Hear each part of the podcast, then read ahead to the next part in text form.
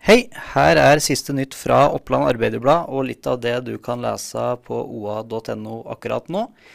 Vi gir deg næringslivsloggen fra Gjøvik-regionen. Der kan du bl.a. lese om Eina-selskap som har gått konkurs, og selskapet Brødrene Hagenborg som endrer, eller bytter daglig leder.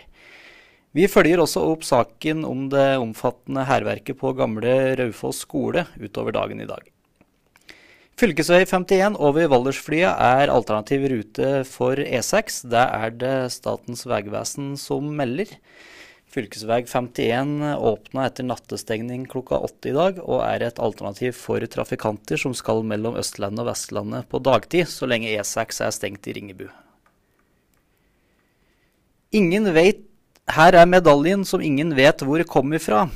OA snakka med Kalle Lorentzen, som håper å få hjelp til å oppklare et såkalt medaljemysterium. Klikk deg inn på oa.no og se om du kan hjelpe Kalle.